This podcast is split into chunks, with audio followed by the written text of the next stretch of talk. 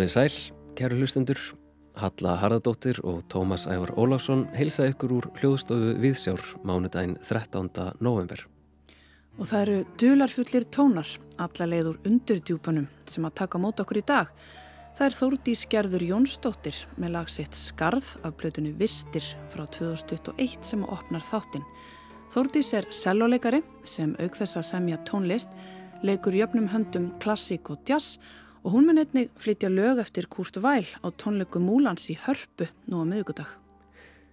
En í þessum þætti verður síning Ragnæðar Jónsdóttur í listasamni Árnæsinga, Piparfólkið og matur á landnámsöld á bóðstólnum. Hvað ætli fólk að borða á landnámsöld? Grillaðan gerfugl, sel í byggsósu, soðna heiðagæs með kúalöpum, mjaðarsóðin lunda eða grísabjúu með osti og kvítlegg. Þetta geti allt komið vel til greina því að öll þessi ráöfni voru tiltak hér landi um landnám. Sakfræðingurinn Kristbjörn Helgi Björnsson og kokkurinn Úlvar Fimbjörnsson hafa gefið út matræslubók, veislumat á landnámsöld, þar sem að ráöfni úr Íslandingasögunum eru innblástur í uppskriftir. Við ræðum við þá félaga hér undir lok þáttar. En við breyðum okkur líka austur fyrir fjall, komum við í hveragerði og stingum inn nefinu í listasafni Árnesinga en þar er opinn í þremur sölum sapsins yfirlitsýning á verkum Ragnhildar Jónsdóttur, myndlistamanns, sem nefnist Kosmos Kaos. Á veggjunum hanga nokkrar velvaldar serjur úr smiðju Ragnhildar, bæði grafíkverk og kólatekningar, en einnig er eitt salur undilaður fyrir glænýja serju kólateknika sem nefnist einmitt Kosmos Kaos. Við ræðum við Darju Sól Andrús, síningastjóra í þætti dagsins. En við hefum þáttinn á leikúsinu. Piparfólkið sem síndur um þessa myndur í kortlöðinni, rými sem að staðsettir í bankastræti 2, er afsprengi lista tvíækisins Díó. Trausti Ólafsson tekur nú við. Það er mikil tilbreyting í kjölfar MeToo uppljóstrana og að því er helst virðist nær enda lausra frásagna af misnótkunnu valsmanna og trúarleitoga á saklusum börnum að til skuli vera fjölstilduleindarmál sem eru bara stjæmtileg og glæða hverstagsleikan litríkum tónum. Á bakvið síningu sviðslistahópsins D.O. á piparfólkinu sem er frumsýnd í kornhlöðunni í miðbæð Reykjavíkur á förstudaginn er tiltölulega ný uppljóstrað leindarmál af ljúvaratæginu. Vissulega má í því leindarmáli greina nokkurt tengslaleysi millir kynnslóða innan fjölskyldu en þó miklu fremur sögu um hæfileika sem ekki var flaggað undir réttu nafni eins og það var skráð í manntalið. Á síðustu öld var all atkvæða mikið revíu og gamanvísna skáld í höfuborginni sem kallaði sig Gilva þegar það setti upp skáldahattin. Millir manna var revíuskáldið hins vegar oftast kallaður Guðni Gas en það hétt skáldið Guðni í þjóðskrá og starfaði í gasstöðinni á hemmi. Guðni þessi gas var langa við aðalbjargar átnáttúttur, annarar meginstóðar díó. Þegar aðalbjörg komst á snóðir um þetta tvöfaldar sjálf langafa síns, hófst rannsóknarferð hennar og Ylvu Aspar Ástjálfsdóttur hinnar meginstóðar díó og var í þeim leiðangri velt við mörgum steinum. Fyrir nokkurn óraði og öllum að óvörum var þá vegi þeirra óprentað leikrit eftir langavan með leynisjálfið. Það heitir Piparfólk og er gaman leikur í einum þætti eftir Guðna Eyjólfsson. Og þegar Guðni Gas fær allt í einu föðurnafn í þessari heimildarjafju er næstum eins og hann egnist þriðja sjálfið. Ég ætla að stilla mig um að segja frá því hvernig fundurinn á stílabókinni með handrítinu að piparfólki eða sviðsettur í kortlöðunni. En eins og svo oft í þessari síningu kviknar þar fyrir augum og eirum áhorvenda mjög skemmtilegt atriði. Sýningin er nefnilega stór skemmtileg eða það fannst mér að minnstakosti. Kemur ekki alveg á óvart því að markmið sviðslistahópsins D.O. eru ákaflega göfug og framsækin. Það er aðalbjörgu Ylva vilja sem sé gefa hverstagsleikanum episkan blæ og fara örlítið ránt með sagnfræðilegar og personlegar heimildir. Getur verið að langafinn Guðni Gas hafi bara alls ekki verið langafi aðalbjörgar og það sé í rauninni leini sjálfans, revjúskáldi Gilvi, sem hún ber með sér í genunum. Allavega á hennar listrana taug og sín einhverja sterkarætur því að nálgunin að piparfólkinu er frumleg, glettin og pínulítið epísk. Þó að frásögninni merkinu stangist kannski eitthvað á við sagnfræðilegan og personulegan sannleika, ef þess áttar fyrirbæri eru þá yfirleitt til. Í piparfólkinu fléttast margir þræðir saman. Leikrið Guðna Ejólfssonar er önnur aðal uppistadan og hinn er laurugluljóð eftir gilfa. Það kvæði fjallar um átöku valdsmanna við Bolsjevíka í kvítastriðinu í Reykjavík árið 1921. Sústir jöld spannst af því að Ólafur Fridriksson hafði með sér rúsneskan dreng sem haldinn var augnsjúkdómi frá Sovjetríkjónum þar sem Ólafur hafði verið á alþjóðaþingi kommunista. Oft hafa nú stríð hlotist af minna tilefni en því líkum óskunda.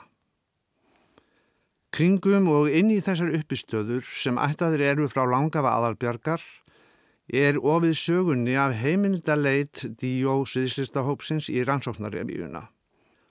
Gasljósónum sem kvikna í húsum litlu höfuborgarinnar sem var náttúrulega skítapleis á þessum árum og svo ótal mörgum öðrum sögum og personum að tölu verður vart á komið. Mörg smá atvik eru rifjuð upp eða skálduð og sjaldan hef ég séð svo margar personur lipna og deyja jafn snögt á sviði og þær gera í þessari síningu. Aðalbjörgu Ylva eru allt í senn, höfundar leikhandritsins, leikstjórar síningarinnar og tvær aðal leikonurinnar. Þetta er dálítið mikið lagt á tvær konur, en það voru engin þreytumerki á díósistrum á frumsýningunni.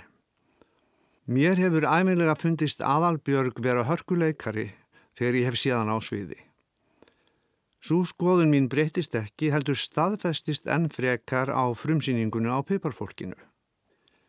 Ég hef sjálfnar séð leikkonuna Ylvu Ösp en fer ekki rátt með heimildir þó ég segja að hún gleðji lund og hjörtu áhörenda. Þær aðalbjörg eru á sviðinu líkastar vel stiltri en kannski svo litið gróf smíðaðri frumskogatrómu sem leikið er á fjórhend. Gaman að því. Líka stjæmtilegt að segja frá því að fjölskyldu þemað er undistrykað í kortlöðunni þegar Hannes Óli Ágústsson, eiginmaður aðalbjargar, stýur á svið í hlutverki Piparkallsins Bjössa Kristjáns sem hefur verið bóðið í afmæli Piparjóngunar steinmarar. Verulega ánægulegt að sjá Hannes Óla algjörlega lausan við það hlýðar sjálf sem hann tók á sínar herðar um stjeið þegar hann var ár eftir ár í hlutverki Sigmundar Davíð Skunlökssonar í áramótasköpi sjómarsins. Fjórði leikarin í Piparfólkinu er gestastjarnar sem er ný á hverju síningarkvöldi. Að því eð sagt er fær svo stjarnar ekki mikinn undirbúning heldur er henni ætlað að fæðast fullskapaðri æfingarlaust á sviðinu. Og þetta gerði Harpa Arnardóttir sem byrtist í hlutverki fyrrnemdra stenvarar á frumsýningunni með skínandi glæsibrag. Hennar stenvör var mjög sannfærandi og gríðarlega fyndin, en er Harpa þekkt fyrir að vera flink í komiskum tilþrifum. Það hjálpaði hörpu líka mikið í þessum aðstæðum að hún var klætt dásamlegum búningi piparjónkunar sem Brynja Björnsdóttir hannaði eins og aðra búninga og leikmynd í piparfólkinu. Búningar aðalbergar og ylfu myndu mig á leikúshefðir allt aftur til Molière og Holbergs og jafnvel Commedia del Arte. Þeir er óviðjafnanlegu leikúskunstar. Leikmyndin ennar Brynju er kannski einföld en samt er hún mjög flókin því að hún er sett saman úr svo mörgum smáum en afskaplega vel gerðum hlutum. Þarna er brúðuleikús, göturinn miðbæjar Reykjavíkur, húsin í borginni, bleikur sófi, piparjónfrúar og svo margt annað til að gleyðja augað. Ég vil nefna sérstaklega fallega útfæð stíleri með upplýsingum og bladaúrklippum, myndum og fleira fínaríi. Þessum plakatum var bara stilt upp á trönur í staðin fyrir að vera að hamast við að kasta þeim upp á vegg með einhverjum tekni trikkum. Það fannst mér ekki bara tilbreyting, heldur mikill léttir frá þeirri áherslu sem nú bregður oft fyrir í leikúsum, þar sem teknin tekur listinastundum yfir og ber hana jafnvel ofurliði. Lýsingin í síningunni Piperfólkið er að því er mér fannst listilega unnin. Hún er verk Ólafs Ágústs Stefánssonar og auk fegurðarsinnar hjálpar lýsingin okkur áhorfendum með að átt okkur á því hvert þessi heimildarjafíja er að fara hverju sinni. Tónskáld síningarinnar er Georg Kári Hilmarsson og ég herði ekki annað en músíkin er bara eitt með öðrum þáttum í verkinu og fjalliðað piparfólkinu eins og flýs við rass. Ég hef fyrir satt að Georg Kári eins og fleiri aðstandendur piparfólksins sé eitthvað skildur gilva gamanmísnarskáldi og guðna gas og það leikur engin vafi á því að sá guðni gas sem er með höfundur aðalbjargar og ylfu að handrítinu er af því tvöfald að sjálfi komin. Hann er nefnilega Eyjólfsson eins og sá guðni sem kallaður var gas og vann í gasstöðin á hemmi. Piparfólkið í útfærslu og útsetningu díuhópsins hristir upp í hverstasleikanum og huganum og eigur bjart síni á að við munum þrátt fyrir allt lifa af fáránleika samfélags, pólitíkurs og annars apaspils. Skýtt með nákvæmar staðrendir og hundstryggðið heimildir eina kvöldstund. Það er nóg af svokallum raunveruleika annar staðar og staðrendir hans munu ekki láta á sér standa að byrtast okkur strax á morgun í ymsum myndum sem eru langt frá því að vera eins skemmtilegar og laurögluljóðin hans skilfa.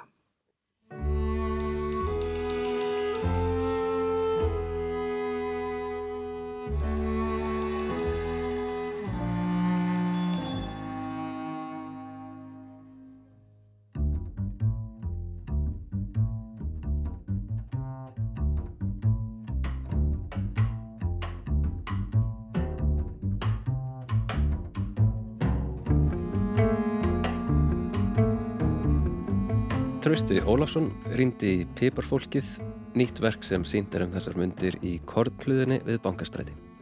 Úr Bankastrætinu brunum við í hveragerði, yfirleitt síningin Kosmos Kaos sem fagnar 60 ára ferli listakonunar Ragnhildar Jónsdóttur stendur nú yfir í listasafni Árnesinga um þessa myndir. Tómas kom við í safninu. Darja Sól Andrús, takk kærlega fyrir að taka mótið mér hér í listasafni Árnesinga. Takk sem að leiðist, hendislegt og við erum hérna stundu fyrir framann uh, eitt af frægustu verkum Ragnhæðar Jónsdóttur, myndlistamanns Deluxe and Delightful, þetta er mynd sem við séð marg oft, örgulega flestir íslendingar. Það er, það er brjóstmyndin af konu með, með tertu á höfðinu. En uh, í þessari síningu þá, þá byrtust hún ásamt já eiginlega svona öðrum útgáfum af sömu mynd nema það eru blóm og eða blómapottur á höfði. Um, hvers vegna stillu þessu svona upp uh, fyrir framann salin hér í listasamninu? Já, ennmitt. Uh, þannig við höfum hér, þetta eru þrjú verk úr seríun Interlux and Delightful. Um, líka þegar maður lappar um, inn að auðan þá er stort eftirbrent svona útiverk af þarna tertumyndinni um, og já, eins og þú nefndir þá er þarna til lagsinn Delightful kannski eitt af svona þekktustu grafíkverk hennar Ragnhildar um, ég held að Ragnhildur var að skapa þessi verk um, hún er með sög og hún var í bandaríkunum og það er kynst koni sem talaði svo mikið um bakstur og kökur og tertur og var bara uh, svakarlega upptekinn á að baka og kökur og smákökur og allt þetta og Ragnhildi fannst þetta eitthvað svo uh, fárunlegt og og áhugavert líka um, bara þessar tengingar á millu konur og, og um, svona kvennverk eins og að baka eða svona heimilisverk og ég held að þann kemur líka þessi blómapottur og þann koma pælingarnir baka þessi verk ég verða við ekki hérna sjálfur að þá hafði ég ekki aldrei séð framann í konuna. Ég hafði eitthvað tíma séð einmitt svona blómaverkið en ekki hérna andlitið og það er eins og að vandi á hana nef. Um, er þetta eitthvað svona stitta eða hvað? Já, ég held að augun hennar eins og þú nefnir eru líka svona svart og maður sér þau ekki alveg. Það gerir verkið svolítið um, dölarfullt og kannski smá óþægilegt líka. Og þess að sterka tenging mellir heimilisverks og konur og, og um, alltaf, já, Ragnhildur sé smá að vinna svolítið með þessar hugmyndir. Eða kíkin í salin mm -hmm. Hérna er síningin uh, Kosmos Kaos þetta er í þremur sölum hérna í listasann árinsinga Ertu til að kannski byrja að segja mér frá titlinum á síningunni, Kosmos Kaos. Já, titillin að verkunum Kosmos Kaos um, kemur í rauninni frá þessum nýjum verkum sem Ragn hefur, hefur unnið að síðust ár. Um, Serien heitir Kosmos Kaos og þann er titillin dregin. Að fókusin á, þetta er stór yfirlitsýning, já, en uh, fókusin er svo litið á þessum nýjum verkum að fagna þeim. Og, og uh, já, þetta eru risastór hugtök uh, þetta, er, þetta er allt saman og, og einhvern veginn glundróðin líka og þetta eru mjög upptökin verk að horfa á þetta eru mjög svona íðandi kannski mm -hmm. rétt á orðið um, en þetta er ákveðin þróun í hennar ferli hún, hún færði sig yfir í, í kólatekningar og hér er kannski ákveðin svona afrakstur af, af 60 ára, ára ferli mm -hmm. hvað hérna Hva, hvað myndur segja að enginni svona nýjustu verkin í, í kóla, kólagerð Ragnæðar? Já, akkurat. Cosmos Chaos serían, hún vann þessi verk um, yfir svona, svolítið COVID árum, hérna 2019 upp að í dag 2023 og það er alveg rétt að um, það er mikil orka í þeim, þeim mikil hreyfing, þau eru svolítið þung og, og um, uh, mikil ókyrð og óróleiki um, og í okkar samtölum þegar við Ragnhjörður vorum að ræða um þessi verk þá útskýr hún svolítið að um, bara ástandið yfir COVID tímabilinu hafði alveg áhrif á um, þessi verk sem hún var að skapa og að titillin kemur svolítið þaðan líka. Þetta var já, náttúrulega mjög mikil óvisa á þessum árum á þessu tímum, tímabili mikil svona ókyrð í heiminum og bara í samfélaginu og e, svolítið káotist tímabil og held að svona þaðan kemur titillinn og líka um, af hverju þau eru svona aðeins þingri orkan í þeim uh, en svo ef maður ber saman svona eldri kólateikningar hennar um, þá það er uh, miklu meiri léttleiki og svona frelsi og, og um, það er aðeins léttara í já, það sem þau eru að vísa í. En uh, þetta er á sama tíma einmitt yfirlitsýning og hérna í innri sölum eða förum í, í millisalinn hérna þá göngum við beint inn í grafík tímabilið. Um, hvers svona stillið þessu upp á þennan hátt að, byrja alveg í samtímanum og, og fara síðan aftur í tíman? Já, akkurat. Um, okkur fannst mikilvægt að það sem mætir manni fyrst allavega þegar maður lappar inn í síningasalinn hér eru þessi nýju verk, um, nýjar teikningarnar en svo auðvitað að þetta er Ragnæður og hún er það mögnir listakonna og bara það vel tækt og eins og þú nefndir áður með 60 ára feril þá vildi við líka nýta þetta tækifæri að um, bara fagna hennar listferil sem myndlistamæður og um, bara hennar mikilvæga stöðu í um, myndlistarsamfélaginu. Einni að því hún var uh, 90 ára á árinu þannig að þetta er svolítið stór síning að því leiti að bara fagna allt sem hún hefur gert í gegnum árin og þá meðal annars þessi velþægt grafíkverk.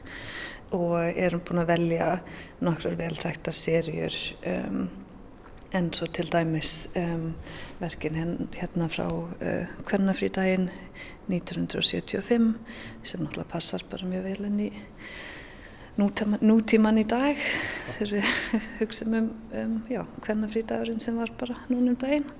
Já Já, það var einn hérna í hodninu sem ég ræk augun í þessi bók hérna. Um, er þetta til að segja mér aðeins frá þessari serju?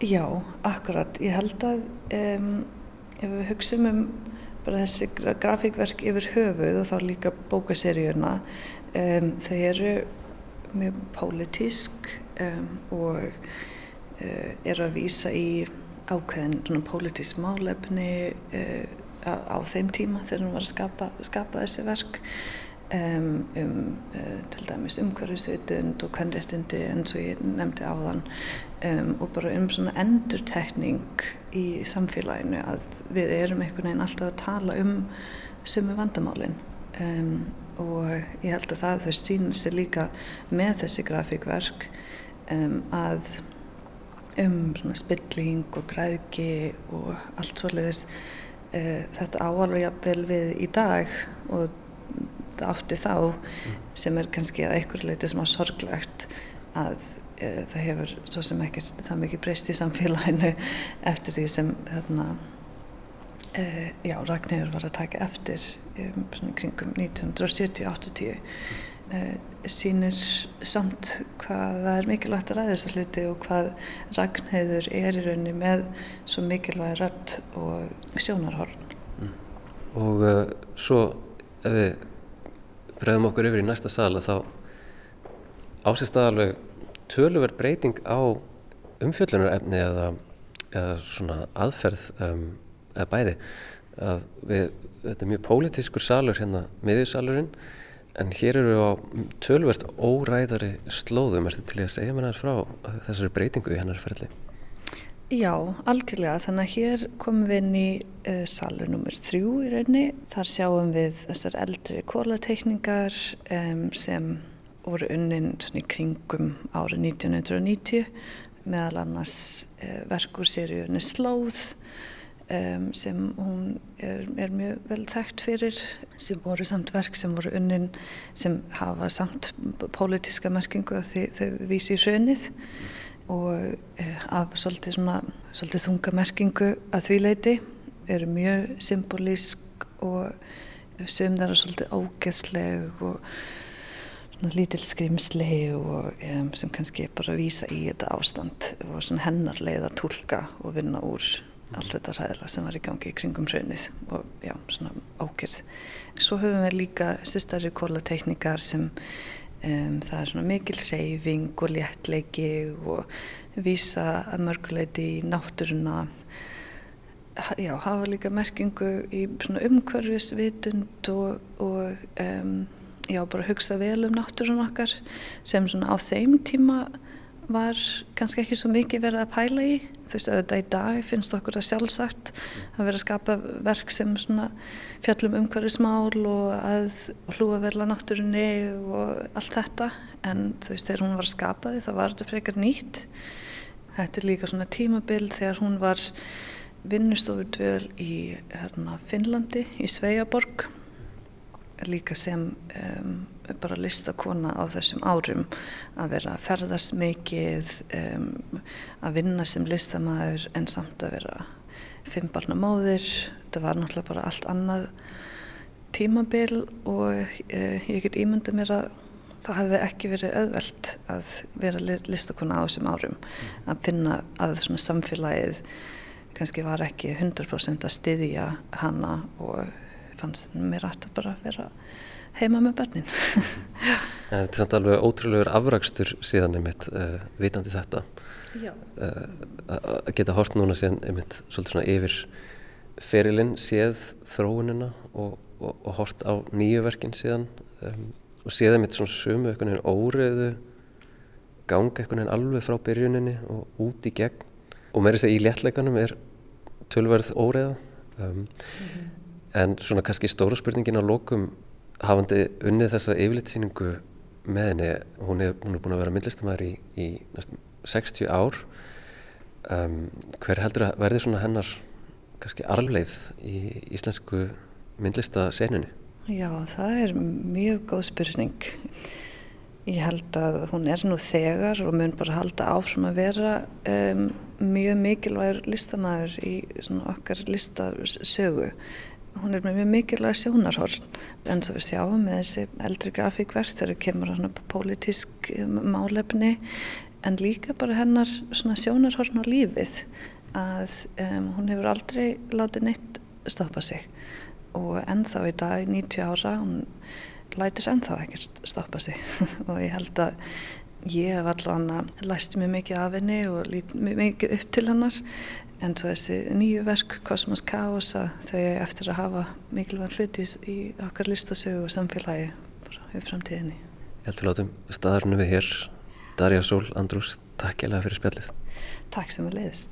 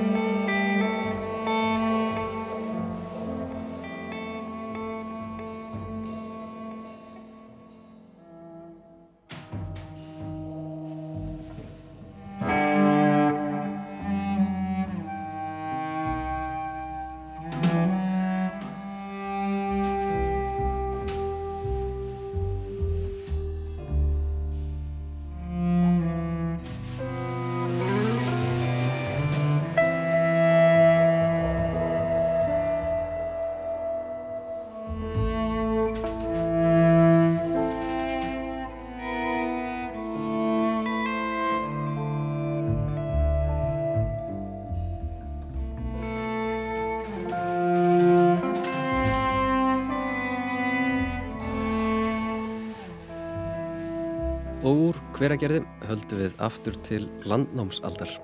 Sagfræðingurinn Kristbjörn Helgi Björnsson og kokkurinn Úlvar Finnbjörnsson hafa gefið út matreðslubók Veislumat á landnámsöld þar sem ráefni úr Íslendingasögunum eru innblástur í uppskriftir. Halla hitti þá félaga og spurði þá út í matarmenningu landnámsmanna. Kristbjörn Úlvar, verið velkomnir í Vísjá. Já, takk fyrir það. Takk fyrir það.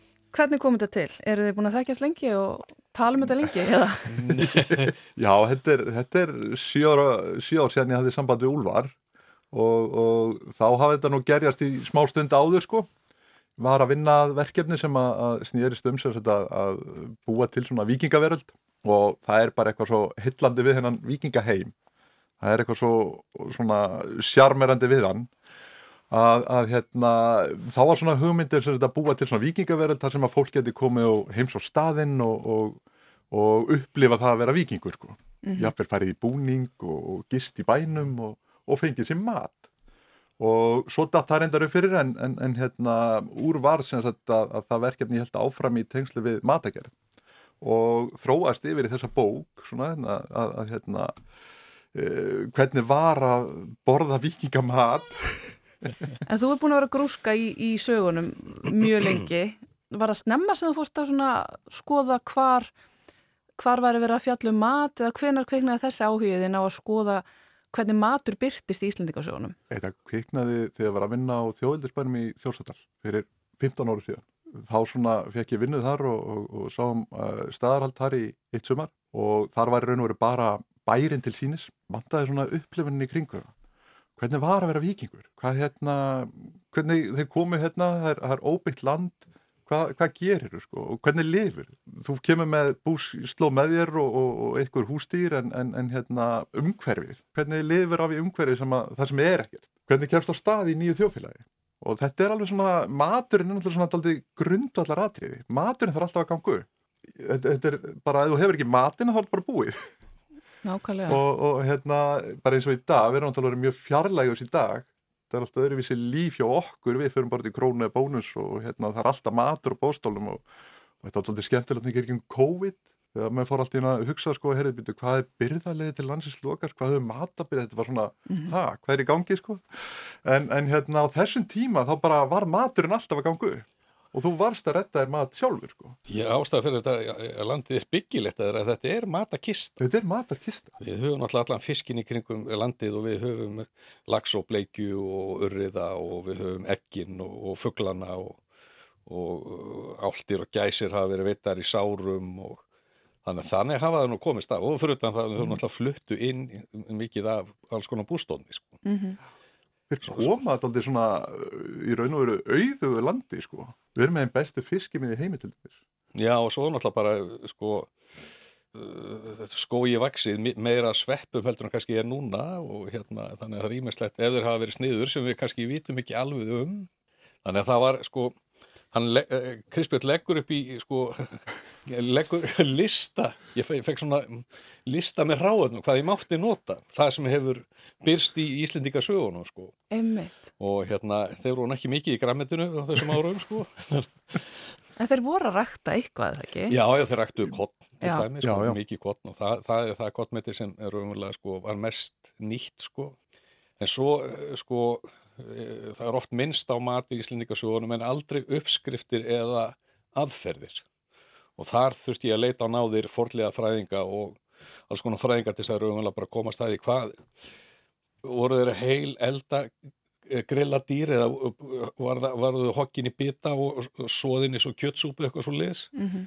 og þá var alveg veistlega þau fundu, sko, forlega fræðingar hafa fundið ruslahauga eða kamra. Og til dæmis þá hérna hafði ég sambandi forlega fræðinga í Svíþjóð sem fundu kamar frá því 960 og þá var veysla sko, þá gáttuður tekið lortin og skoða hvað var í jónum og þar fundu þeir fræ, þrjár tegundar af fræjum. Hvað fræ voru það? Það var, það var hérna bygg, umfemmingur og einhver sænskjört sé þekk ekki sko. Og þeir tóku þessi fræ og sett í mold og það kom uppskera og ég á hérna fræ frá þessar uppskeru. Já. Þannig að hérna sem er hansi sniðut og ég setti niður nokkur og það kom upp með þessi Hvar settur þetta niður? Bara í gróður svona heimaði mér. Og það, hérna, það kom uppskera sko. En getur við þá leitt líkum að því að þetta hafi líka verið á Íslandi þar sem þetta var á, á Norrlundunum? Já, sko í, á þessum tíma þá var hlýra og hérna við erum að rekta hvort á Íslandi í dag. Mm -hmm. og það gengur mjög vel sko. Já, já, það verður rekta sko Eitt í sambandi við þetta, sko, ég ímynda mér þegar við hugsaum um, um þessa tíma að það er bara verið soði kjött og hendi í tróg og lagt á borð og við erum eitthvað svona hugmyndum, eitthvað svona grottaskap, ja, ég veit já, ekki já. af hverju, en uh, þetta lítur fólk á öllum tímum að hafa bræðskinn og, og áhuga á því að matreiða og, og hérna, nota krydd og, og svo framvegis. Engi spurningin, smekkurinn, sko, hann breytist mjög ört að smekkur okkar í dag og fyrir tíu ánum síðan það, það, það, það er munur þar á mm. og ef við förum sko svona langt aftur í tíma þá, þá má rekna með því að kannski eitthvað sem er aðeins kæst þykir bara þó terramarsmatur og, mm. og kannski kvartaðandu því að það væri kannski ekki nógu kæst eða, eða mm -hmm. hvað það er sko En ég sé á uppskritunum að, að þú ert mikið að nota kvítlögg Já, villi kvítlögg Já og hérna, hann vext nú sko, þetta er svona undirgróður í, í, í, í Skandinavíu og ég á þetta í garðan hjá mér heima og nota þetta tölvest mm -hmm. og hérna Og eru heimildir í sögunum fyrir þessu? Já, það er sko, já, það eru heimildir fyrir söllu en, en svona, svo er maður stundum að geta í eigðurnar og stundum svona uh, leifi maður sér kannski, þó að sé ekki sko ekki nefnt að þá því er ekki að hafi ekki verið til. En hérna, jújú, jú, það er talað um til dæmis lauka í, í, í hérna, fósbræðarsögu þar sem mann er að, að fjalla um stiklast aðvorstu. Þar eru laukar notaðar af, af fólki sem er að lækna mm -hmm. til þess að finna hvort að, að búa til seiði sem sagt og, og aðtók hvort menn séu sárir. Þannig að laukar eru, eru þetta en það er ekki tilgjörn hvers konar laukar samt sem áður sko. Mm. Og þá kannski leifir maður huganum aðeins að, að reyka og, og hérna átt að segja hvað vex vilt til dæmis og, og hvað á þessi langa sög, hvað er sótt síðar og, og rækta. Líka heimildurinn þá meðeldurum að enn sé að sækja júrtir annar staða frá og þá er það kannski vísbendingum það er þá ekki verið til staðar áður sem dæmi sko. Þannig að maður er svona eh, leikur sitt aldrei aðeins og, og hérna auðvitað er þetta náttúrulega bara tilgáttu bók mm -hmm. og, og hérna þetta er bara fyrst og fremst gert til þess að hérna vekja aðtegla á þessu og, og svo líka leifa fólki að vera kannski vikingur í eina kvöldstund og helda upp úr ráefnum en, en menn hafa nefnilega ágætis aðgengi að ráefnum á þessum tíma sem er ekkert, ekkert frábröðið ráefnum sem við höfum í dag og eins og Úlvar var að segja sko að bræðlökan er kannski breytast og, og hérna eh, Nei, bra, eh, eh, hérna, smekkurinn, smekkurinn breytist. Já, og örgla bræðlegarnir líka og bræðlegarnir líka sko. og, og hérna þannig að, að þú ert alltaf að, að sko, okkur finnst um gott að borða góðan mat. Mm -hmm. og menn hafa verið að elda eins og, eins og í veislumána þá hafa menn gert sér dagamenn og elda góðan mat það, lítur eða bara að vera svona eðli eh, mannsins, þetta er ekki samfélag sem er einhvern veginn að skripta á, á hóraminni og, og hérna mm -hmm. þetta, jú, þetta, þetta eru menn sem að njóta sko, það er meira sem að fæða svona kannski tilfinningarnum vikingum, þeim, þeim finnst þeim finnst visslu skemmtilegar sem dæmi. Það nú heldur betur úr góðafræðinni líka. Já, úr góðafræðinni mitt. Það var gaman að dansa upp á borðum og svona. En oftar en ekki svona virkar daga hefa menn ábyggilega mikið verið að borða svona, svona eins og við þekkjum kannski kjötsúpi í dag. Mm -hmm. Þetta hafi bara verið mallandi einhver súpa. Einhverju gröytar sko og til dæmis eins og með gröyta það, það er oft minnst á gröyta í sögunum. En, en hérna við vitum svo sem er verið ekkert mikið um hvað var í gröytum en, en við höfum þessi ráefnu og þá er kannski líka að setja bara upp hvað, hvað hendar í gröyta Það er náttúrulega allt nýtt soðið að kjötunu sko. Ef það er ekki bara drukkið með þá getur við að, að þykta bara með byggi. Ég geti ímyndað með það að vera svona stikkara mm -hmm. Var ekki frekar lítið um ferskmeti, eða þú veist það var verið að salta og, og síra og geima og þurka, nema kannski fiskurinn þá, eða hvað? Já, hann var líka þurkað sko. sko Skreiðin kemur náttúrulega mjög fljótt til sögunar Skreið og harfiskur og í þeim dúr og trúlega hafaði þurka kjöt líka sko, bara svona eins og við þekkjum djörki. Geimsla aðferði, það, það, það skipti mjög miklu máli yfir harðasta vetur en þá geta, geta, geta er ekki náði í í, í lags og sílung eða rói til sjávar eða þarfæntu gott og þá hljótaður að hafa verið með eitthvað þurkað sko. mm -hmm. hann hljótaður að þurft að nýta allt Heimitt. og nýta allt af dýrinu það er sko öll fýta, allt svo ég menna, við erum að tala um sko, hesta og kindur og þá náttúrulega sko, við erum með hesthausan í mm -hmm. einu öskrikt mm -hmm. það er enginn að segja mér að þeirra henda hausnum sko. þetta er allt saman nýtt sko Ef þú voru ekki að geta handri þá fenguðu þessi hestöðs á milli sko. Já, og það er sko á þessum tíma verið fæðan hafa verið bara nokkuð fjölbreytt. Og þeir eru að fá svona til dæla bara dreifða, dreift næringagildi úr matnum er að fá fisk og kjöt og mjölkuvörur Grammiti, það var nú ekki mikið Já, og, þeir eru að sækja samt, sko, þeir flytja inn hérna eins og, eins og kvannir eru fluttar inn til dæmis og, og rækta sérstaklega. Og svo nýtaða náttúrulega bara eins og dílika að tala um njóla og haugarfa og annað sem að menn hafa komið að því. Þetta eru líka krydd sko og þetta hefur ekki bara sko gott verið bræðlaugana heldur er þetta líka oft svona lækningar máttur og því líður illa þá kannski færið þeir eitthvað seiði með einhverjum uh, plöntum í sko. Mm -hmm. Vantaði náttúrulega C-vitamin þannig að þannig kemur kvönnin inn, inn kemur kvönnin sko. mjög og hún er, hún er mjög eftirsótt sko. Mm -hmm. og það var aldrei skemmtilegt að, að lesa um hana og hérna við erum verið eins og í Norið þá erum mikil smettin júrt og svo erum við náttúrulega í stöðum samgöngum við umheimin á þessum tíma.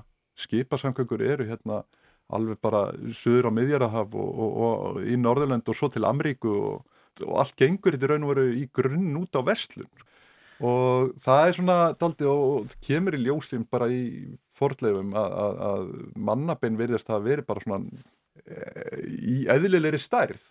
Það er að segja sko að, að þú ert það svo borðar mm -hmm. og, og, og þú nærist eftir því og, og vext og stækkar og vikingarnir verðist að veri bara svona hvað, 1.70, 1.65, 1.70 að hæð uh, munlærin í dagrindar en, en, hérna, en svo miðöldum breytist þetta.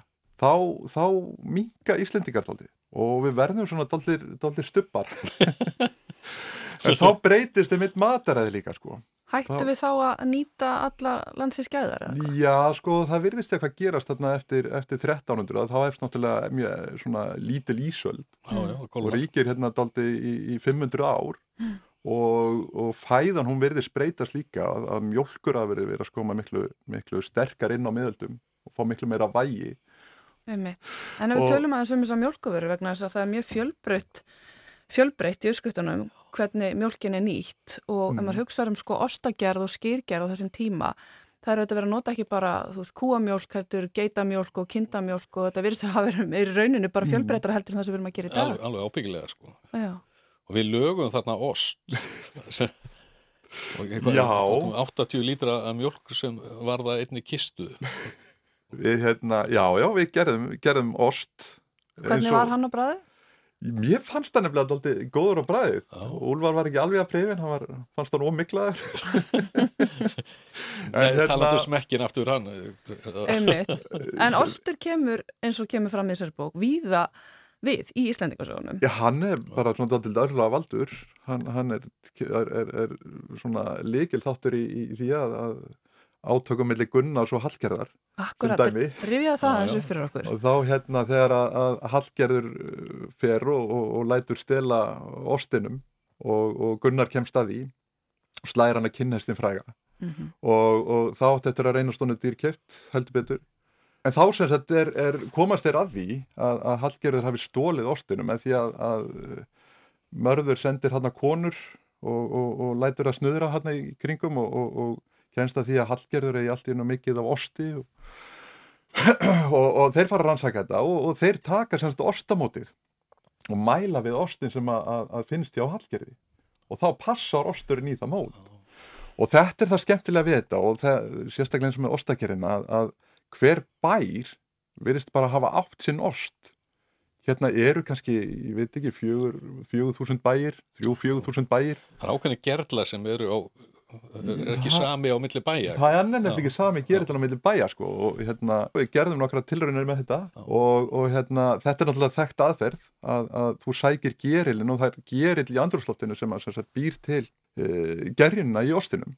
Kemur honum á stað og, og hérna, þessuna, þessuna súrnar mjölkin og, og þetta er gert á að reyna að vera bara hverjum bæja því að því eins og vorum að segja sko, þú ert alltaf að reyna að geima matinn. Það snýst um að geima matinn þannig að þú hafir nægar byrðar. Annars er, er, er fjandin laus sko. Og, og ostur er, er bara góð leið til þess að geima mjólk. Mm -hmm. og þetta þekkjum við í dag við borðum miklu ost alveg með bestu list. Já, aðra hérna, osta sem eru kannski einst tvekja þryggja ára. Og þarna verður þessu örlaðaríki atbyrður í kringum, kringum ostin og þá var náttúrulega ekkert annað að gera heldur en að prófa að búa til osta eins og, eins og feldi greiði gunnar. Og hérna það var bara mjög skemmtilegt ferli að, að átta sig á því hvernig maður fær eh, bara mjölkina uh, hvernig er langt ferli raun og veru líka? Já því, það er líka eins og þú segir eins og þú sagður áðan hvað við erum orðin sko aftengt þessum ferlum Við hlöpum borðið í búið að ost.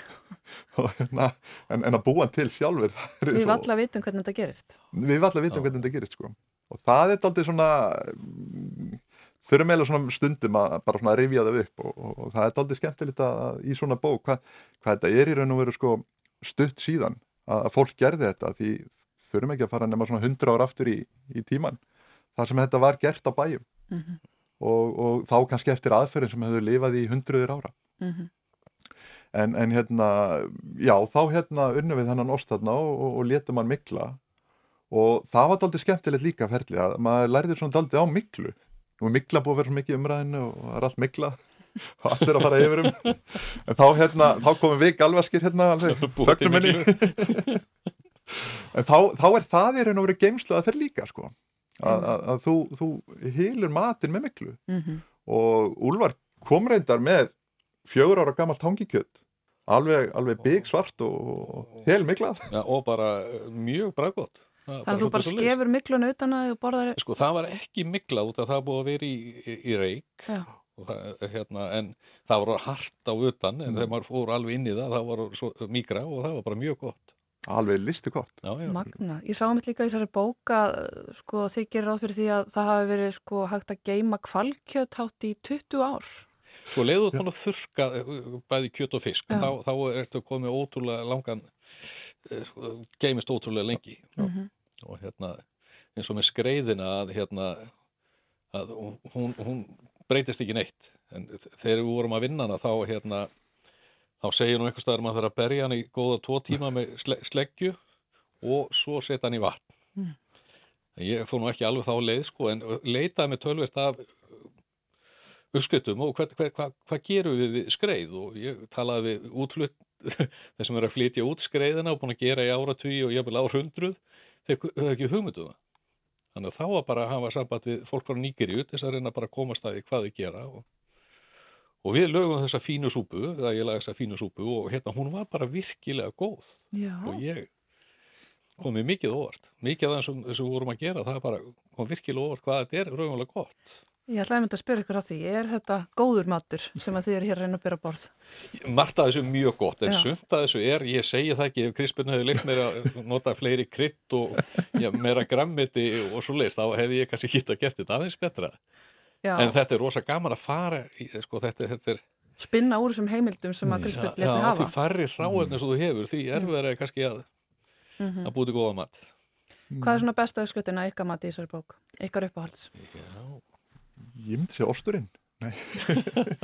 Það, það, er, það er samt sko þetta er bara svo bræðgóður matur. Þessi matur áýrun að vera alveg við að því, að því en, en í dag sko vegna þess að þetta er bara við höfum ólíka mataskemming og, og þetta er örgleika þarna sem öllum Þegar við vorum í myndatökunni, ég og Karl Pettersson, ljósmyndari, mikill snillingur.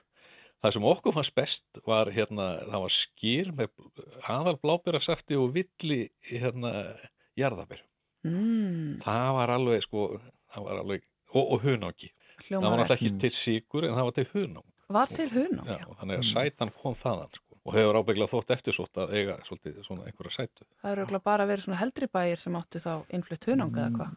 Já, hunang, það var aldrei skemmtilegt þegar maður komst að því hvað hunangi var að því, að því það er alltaf í sögunum sko, menn er að flytja vörur á milli og þeir að flytja mjöl og, og korn og hunang og maður er alltaf svona, okkur hunang, já ok hvað er svona, en svo náttúrulega komst maður að því að, að mjöðurinn er gerður úr hunangi. Og þess vegna sem sérstaklega í eigilsögu oft talað um hunang. En hérna já, það, það var náttúrulega líkil atrið að hafa hunang til að búa til mjöð Auðvitað. Og hérna það útskýriði svona daldið hvað menn voru alltaf að flytja hunangi á milli en jú, það hefur verið heldri manna matur og, og, og hérna ekki að færi allra að, að komast yfir hunang Einmitt. Þið spyrjuð að því framan á bókakápu hvað ætli Hallgerður Gunnar hafi bóðið upp á í brúðköpunu uh, á hlýðarenda. Hvað var það? Lambabuxur, ég held að það sé alveg að reynu. Grillaðar Grilla Grillaðar lambabuxur. já, og mjöður með. Já, Alveg vel Herri til hamingju með þessa bók, Úlfar og Kristbjörn, Veislumatur, Landnámsaldar. Við hérna förum bara elda núna. kæra þakkir Ekki spurning, takk. Halla rætti við þá félaga Kristbjörn Helga Björnsson og Úlfar Finnbjörnsson sem voru að gefa út matreðslubók, veislu mat á landnámsöld, þar sem Úlfar vinnur 40 uppskriftir úr ráefnalista frá Kristbjörni sem hefur leið yfir mat í Íslandikasögunum í ára ræðir. Já, og hér líkur þætti dagsins. Við setjum eitt lag á fónin hér í lokin með selvoleikarunum Þordísi Gerði Jónsdóttur. Þetta er lagið Melody af plötu hennar Vistir sem kom út árið 2021. Takk fyrir að lusta og verið sæl.